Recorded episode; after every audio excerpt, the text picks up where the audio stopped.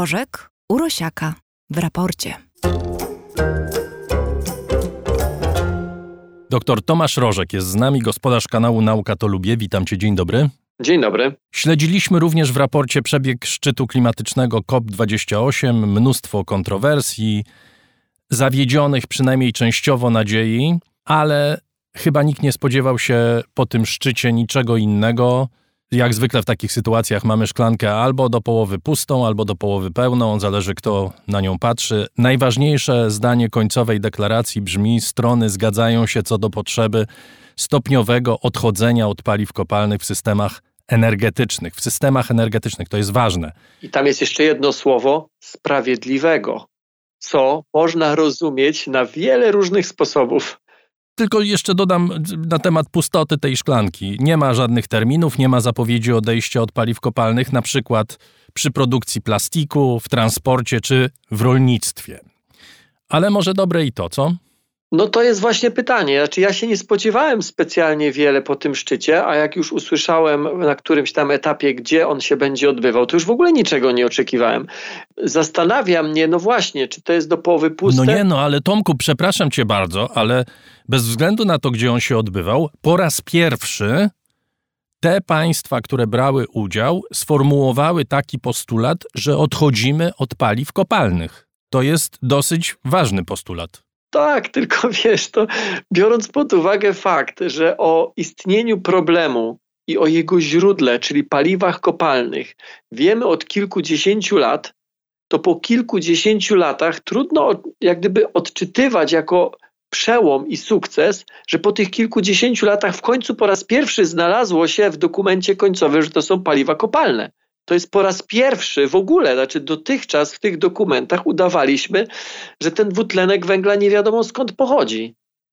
A najlepsze jest to, że właśnie i dlatego wspomniałem o tych krajach, mm, o tym konkretnym kraju, w którym odbywał się szczyt, e, czy o krajach w ogóle całego regionu, e, one postawiły wszystko na ostrzu noża, żeby nie pokazywać, czy nie, że, że, żeby w dokumencie końcowym w ogóle nie padło hasło ropa naftowa. Dlatego są paliwa kopalne, a nie węgiel, ropa i gaz. Po to, żeby to jeszcze bardziej zmiękczyć. No tak, z węglem to oni nie mają problemów, oczywiście mają problem z, nie, nie mają. z ropą i gazem. Dobrze, Tomku, to teraz zacznę od innej strony. Jak długo człowiek żyje? To jest mniej więcej 300 tysięcy no, lat. jakieś tak? 250, 350. To trochę zależy, gdzie postawić. Wiesz, gatunki nie pojawiają się skokowo, ym, tylko przez ewolucję, więc na którymś etapie trzeba powiedzieć: OK, to my w takim razie czysto y, subiektywnie mówimy, od tego momentu ten konkretny szkielet znaleziony, czy jego fragmenty, to to już jest człowiek. Więc taki, taki jak my. 250-300 tysięcy lat temu roboczo załóżmy 300 tysięcy lat. Tak.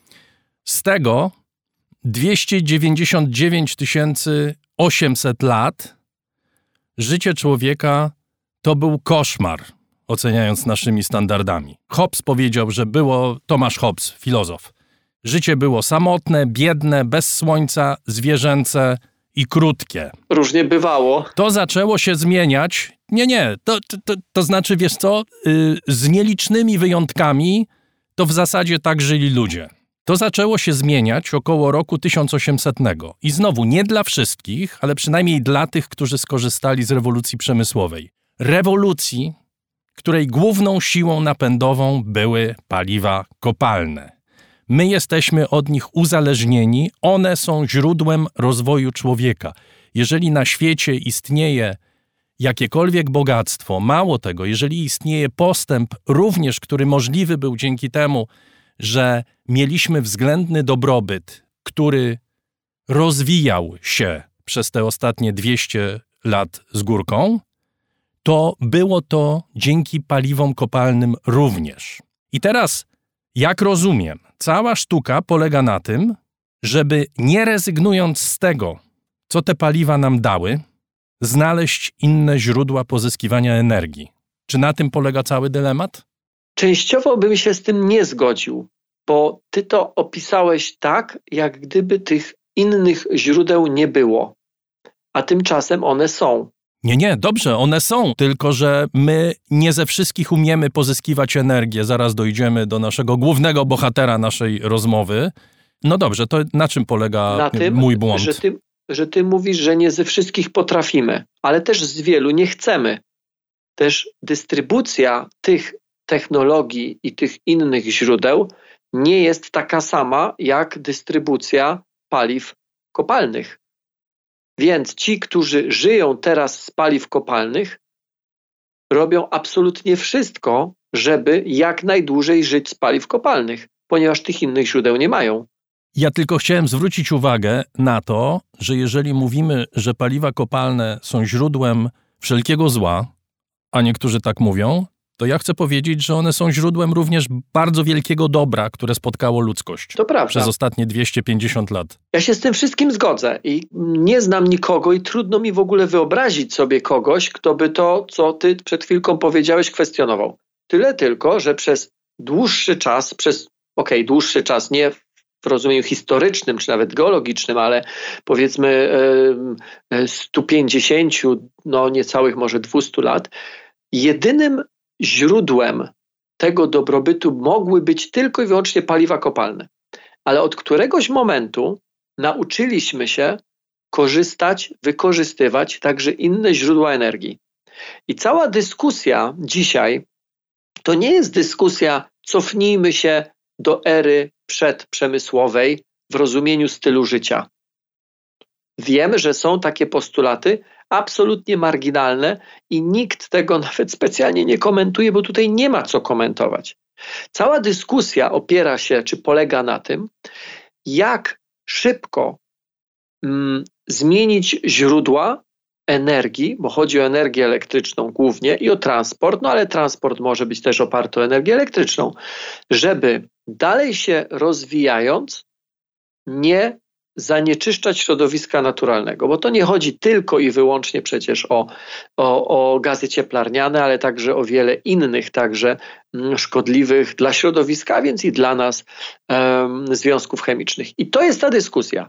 I teraz problem polega na tym, że w świecie, który przyzwyczaił się przez dziesiątki lat do funkcjonowania na paliwach kopalnych, Teraz zmiana biegu, czy zmiana, nie wiem, przejście z, z jednego świata do drugiego, wywołuje emocje, ja rozumiem te emocje, ponieważ gospodarki wielu krajów są dostosowane, są wręcz wybudowane na pewnym paradygmacie, którego centralnym elementem są paliwa kopalne.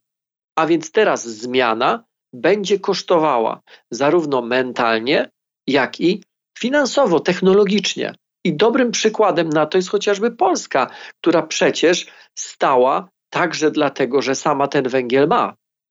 Stała na węglu i musi zmieniać nie tylko dlatego, że tego węgla jest coraz mniej, czy on jest coraz głębiej, że on, jeżeli go chcemy sprowadzać z zagranicy, to to generuje e, także geopolityczne, międzynarodowe różnego rodzaju konsekwencje, ale przede wszystkim dlatego, że wiemy o tym i wiemy o tym naprawdę od dawna, że spalanie paliw kopalnych oprócz tego dobra, o którym ty powiedziałeś, ma pewne swoje konsekwencje z którymi się mierzymy w tej chwili, i to jest oczywiste, wielokrotnie o tym mówiliśmy. Nie o tym jest nasza rozmowa. Te konsekwencje są znane, planeta się ociepla, mamy poważny problem i musimy ograniczyć spalanie paliw kopalnych. Ale jakie są granice odnawialnych źródeł energii? Chciałem pytanie postawić nie teoretycznie, tylko praktycznie bo wielokrotnie w tej audycji rozmawiamy na temat tego, jak skuteczna może być energia ze słońca czy energia z wiatru. No, wadą tych rozwiązań jest to, że słońce nie zawsze świeci, wiatr nie zawsze wieje. Są jeszcze inne problemy, bo to są systemy dosyć niestabilne. No, w związku z tym, że właśnie wiatr nie zawsze wieje, a słońce nie zawsze świeci, a jak świeci, to różnie. Jakie są granice i jak sobie z tymi granicami w tej chwili radzimy? To pytanie to jest tak naprawdę pytanie o to, ile mamy pieniędzy na to, żeby wybudować system energetyczny. Bo po czasach, które, tak jak mówię, trwały dziesiątki lat, w których można było wybudować gospodarkę bazującą w 95, 98% na jednym źródle, na przykład na węglu, wchodzimy w świat, w którym musi być coś, co się nazywa miksem energetycznym. Tego hasła, czy to hasło, to jest hasło stosunkowo nowe. Wcześniej ono w ogóle w przestrzeni publicznej się nie pojawiało, ponieważ można spokojnie było budować gospodarki bez żadnego miksu, po prostu na konkretnym źródle energii. Dzisiaj wiemy o tym, że z różnych względów, także bezpieczeństwa, także no, z, z, różnych, tutaj nie chcę wchodzić w osobny jeszcze wątek, ale z różnych względów lepiej budować miks. I teraz w tym miksie mogą się znaleźć źródła tak zwane odnawialne, chociaż wśród nich też są różne i każde z nich ma inną specyfikę, i za chwilkę mogę o tym powiedzieć, ale panuje takie przekonanie, że jednak baza powinna być takim stałym, niezależnym od wszystkiego fundamentem. W naszym przypadku tym fundamentem mam nadzieję, że będzie jak najszybciej energia jądrowa. Co może być nad ten fundament? Mogą być różne rzeczy. I one mogą być i powinny być uzależnione od na przykład warunków także środowiskowych. Są miejsca w Polsce, gdzie wieje mocniej, są takie, gdzie wieje słabiej. Tam, gdzie wieje mocniej, tam, gdzie spełnione są warunki także, nie wiem, odległościowe, co ostatnio w nowelizacji ustawy wiatrakowej wywoływało kontrowersje, ta dyskusja o tych odległościach od zabudowań, od parków narodowych, od terenów chronionych itd., tak itd., tak tam powinny stawiać, stawać wiatraki. Gdzie indziej mogą powstawać panele fotowoltaiczne. Jeszcze gdzie indziej warto się zastanowić nad geotermią, jeszcze gdzie indziej nad biomasą, po to, żeby powstała układanka, a nie jedno źródło. Jak ty teraz mnie pytasz o to, jaka jest wyporność tego systemu, no ona zależy od wielu różnych elementów. Jeżeli chcielibyśmy budować system oparty głównie na wiatrakach, jak na przykład Dania, to Dania, gdyby nie sąsiedzi, to nie byłaby w stanie takiego systemu wybudować. Ponieważ można wiatraków postawić bardzo dużo, tylko paradoksalnie w systemie naczyń połączonych Większym problemem staje się moment, w którym prądu mamy za dużo, niż prądu za mało. Jak za mocno wieje, to Duńczycy nie mieliby co robić z prądem, ich system by się wysypał. To jest również, Tomku, historia na przykład fotowoltaiki, prawda? Kiedy są momenty, kiedy za dużo jest prądu. Tak, ale tylko pozwól, że skończę z tą dają, bo to jest moim zdaniem istotne. Co robią Duńczycy wtedy, kiedy mają za dużo prądu? przepychają go do krajów skandynawskich, bo w krajach skandynawskich z racji dużej liczby jezior, rzek, e, pagórków czy górek jest dużo elektrowni szczytowo-pompowych. I wtedy Duńczycy płacą swoim sąsiadom z zacieśnin duńskich za to, żeby wzięli ich prąd a sąsiedzi biorą prąd, biorą, biorą te pieniądze i magazynują go w elektrowni szczytowej, wpompowują gdzieś do jakiegoś zbiornika, czy naturalnego, czy sztucznego, nieistotne, y, wyżej w górach wodę, wpompowują ją i ona tam sobie jest. Do momentu, w którym prądu w sieci brakuje, wtedy ją spuszczają, a jak woda zlatuje w dół, rozkręca turbiny, produkuje prąd. No to gdzie jest problem? To super system. Super system, tyle tylko, że my takich elementów nie mamy w naszym systemie. W Polsce elektrowni szczytowo-pompowych są dwie, słownie dwie. Góra Żar i Żarnowiec. Zresztą ta w Żarnowcu była wybudowana y, w kontekście czy w otoczeniu e, planowanego, e, planowanych reaktorów, bo one miały chodzić w parze.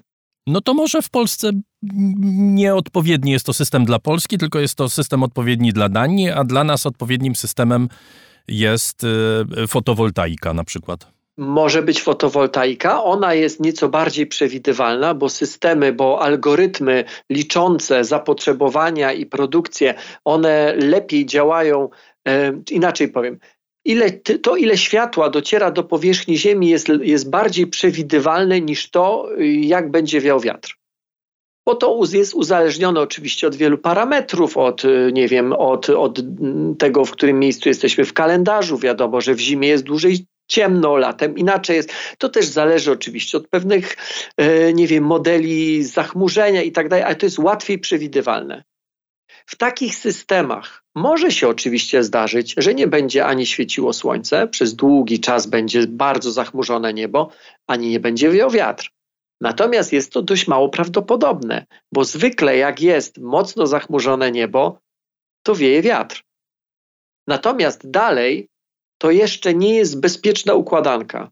Stąd potrzebna jest ta baza, a jeżeli chcemy, żeby ta baza była stosunkowo niewielka, a nad tą bazą były wybudowane te elementy układanki wiatr, słońce itd., tak itd., tak to po to, żeby się to wszystko nie wysypało, po to, żeby ten system był stabilny, musimy budować inteligentne sieci inteligentne transformatory, które dostosowują parametry prądu w zależności od tego, co jest w sieci.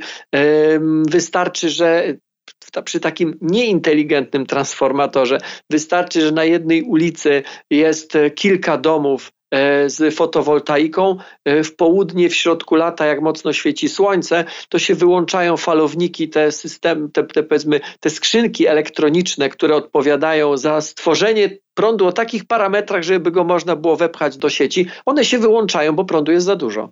Cały system staje się niestabilny, cały system bierze w łeb. Opowiadasz o swoim doświadczeniu, jak rozumiem. Odpowiadam na przykład o swoim doświadczeniu, tak o doświadczeniu mojej ulicy, o doświadczeniu dyskusji z firmą energetyczną, która w mojej części mm, Polski funkcjonuje, która nie ma absolutnie żadnego zamiaru ułatwiać, gdyż to nie jest w jej interesie. A dlaczego to nie jest w jej interesie?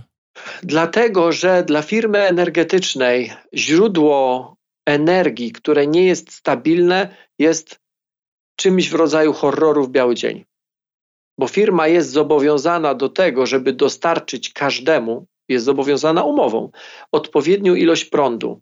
Ale po to, żeby to zrobić, ona musi odpowiednią ilość prądu dostać też od producenta. W momencie, jeżeli teraz producenci są rozrzuceni i czasami dają, czasami nie dają, a równocześnie ustawa zobowiązuje do wzięcia wszystkiego, co taki mały producent jak ja, tak zwany prosument, wciska do sieci, to nagle okazuje się, że no to jest problem. Bo my musimy zapewnić odbiór, a nie do końca mamy pewność co do produkcji.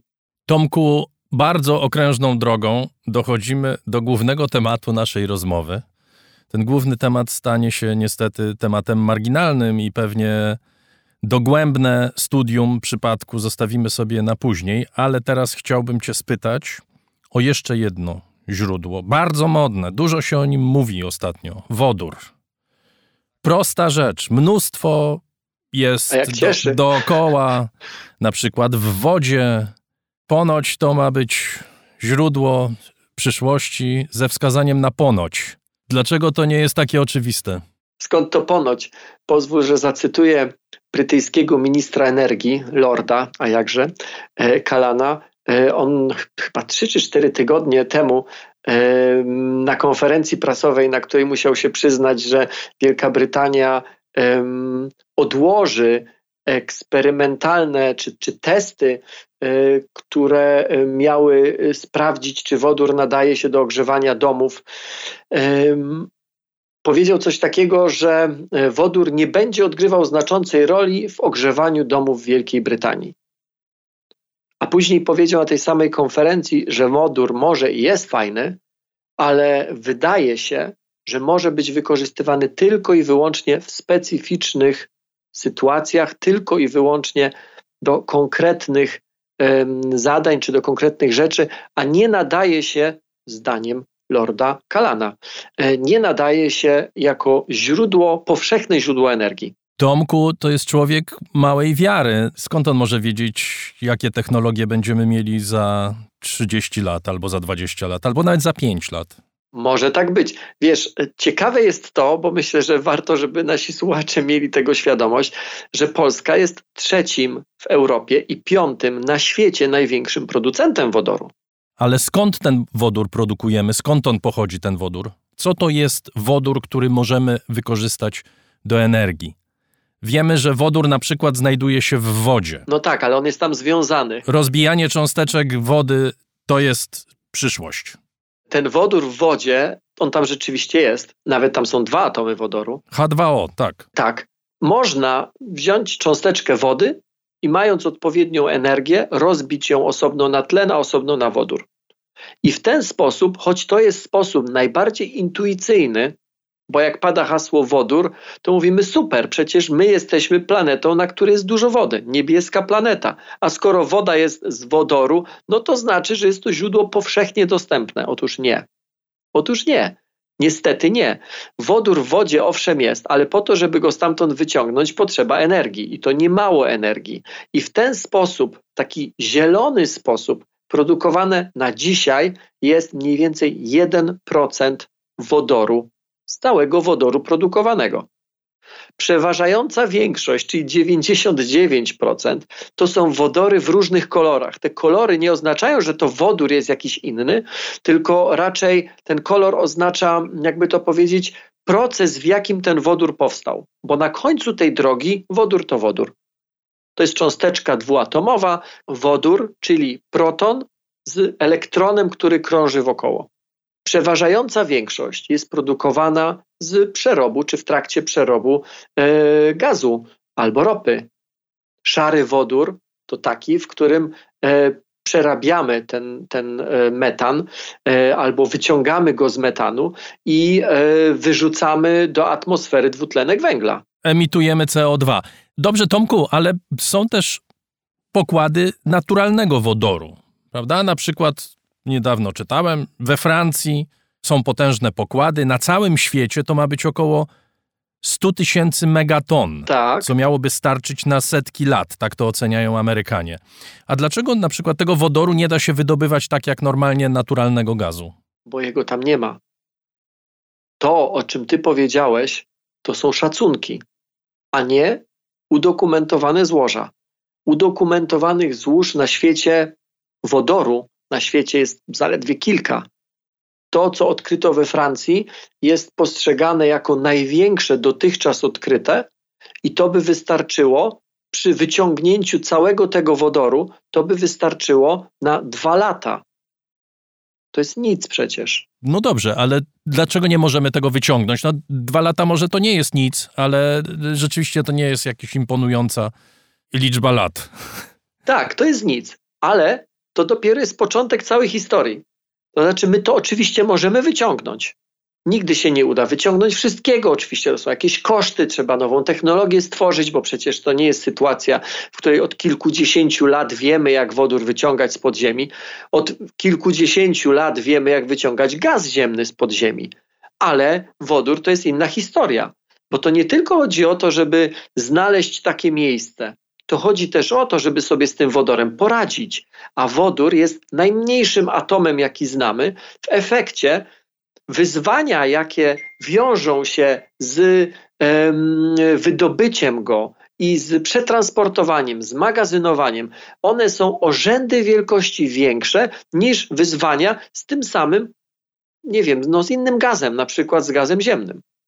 Transport wodoru jest nieporównywalnie trudniejszy bo on jest małą cząsteczką.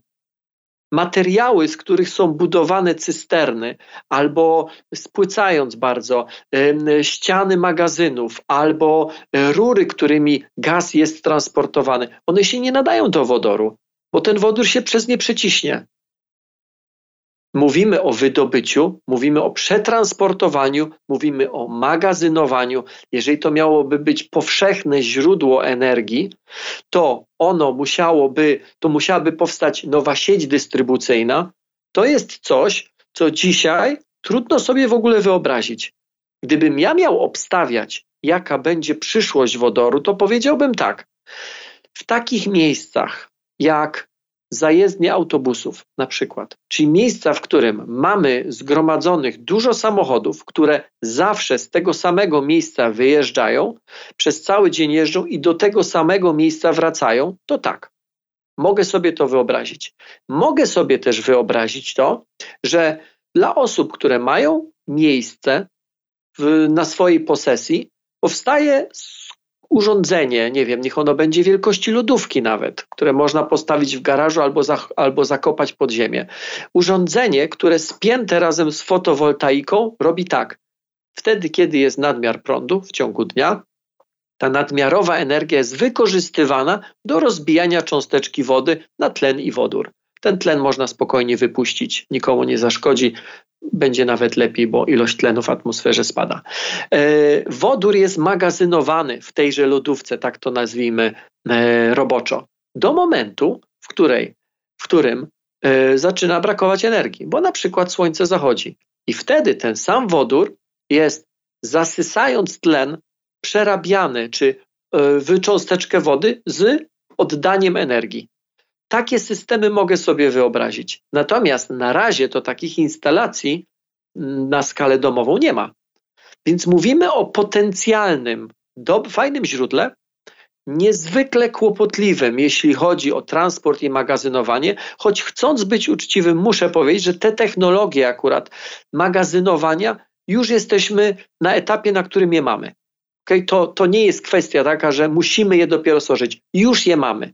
Natomiast byłbym bardzo ostrożny w takich przewidywaniach, że za chwilę wodór będzie powszechnie dostępny, także dlatego, że wodór na razie powstaje z paliw kopalnych, prawie w całości. Więc jeżeli w przyszłości chcemy z paliw kopalnych rezygnować, to zrezygnujemy tak naprawdę ze źródła wodoru. Musimy się nauczyć w sposób wydajny produkować wodór z wody. A na razie, patrząc tak po prostu w liczby na Excela, to ten wodór z wody, czyli ten zielony, czyli ten, który nam pierwszy przychodzi do głowy, jak o tym myślimy, jest najdroższym wodorem z wszystkich innych. Wszystkich innych mam na myśli źródła jego, a nie wodór sam w sobie, bo one są nierozróżnialne. Wodór to wodór. Oj tam, oj tam. Tomku, 200 lat temu ludzie też nie mieli pojęcia, co się będzie działo i też myśleli, to że to samotne, biedne, zwierzęce i krótkie życie jest ich udziałem na zawsze. Nie wiemy, co będzie dalej. Nie wiemy. Raczej na nutę optymistyczną wolałbym zakończyć. Bardzo mi się podoba ta perspektywa, którą zarysowałeś z urządzeniem, które gdzieś tam pod ziemią sobie jest i które wymienia nam źródła energii, a w domu się świeci światło, nikogo nie zatruwamy i planeta sobie żyje i my mamy też dobrze. A być może można przy tym urządzeniu zrobić jeszcze jedną rzecz. Wyciągnąć z tego urządzenia coś w rodzaju, nie wiem, takiej rurki, takiego wężyka, którym jak podjedziemy samochodem, to go zatankujemy tym wodorem. Bo przecież nikt nie powiedział, że ten wodór musi zostać w tym urządzeniu, czy pod ziemią, czy w garażu. Jego możemy wykorzystać na przykład do zatankowania naszego samochodu, po to, żeby jeździł w okolicy. No pięknie. Jeszcze możemy tam lodówkę zainstalować w tym urządzeniu, żeby już, żebyśmy już wszystko mieli pod ręką. I tak jak chciałeś, zakończyło się optymistycznie. Bardzo Ci dziękuję, zwłaszcza, że to jest nasze ostatnie spotkanie przed świętami, to znaczy nasze, Twoje i słuchaczy, i moje y, spotkanie przed świętami. My mamy jeszcze y, programy, ale y, z Tobą usłyszymy się dopiero w nowym roku. A zatem wesołych świąt, wszystkiego dobrego, dobrej energii życzę Tobie i do usłyszenia. Bardzo dziękuję. Wszystkiego dobrego dla Ciebie i dla Państwa.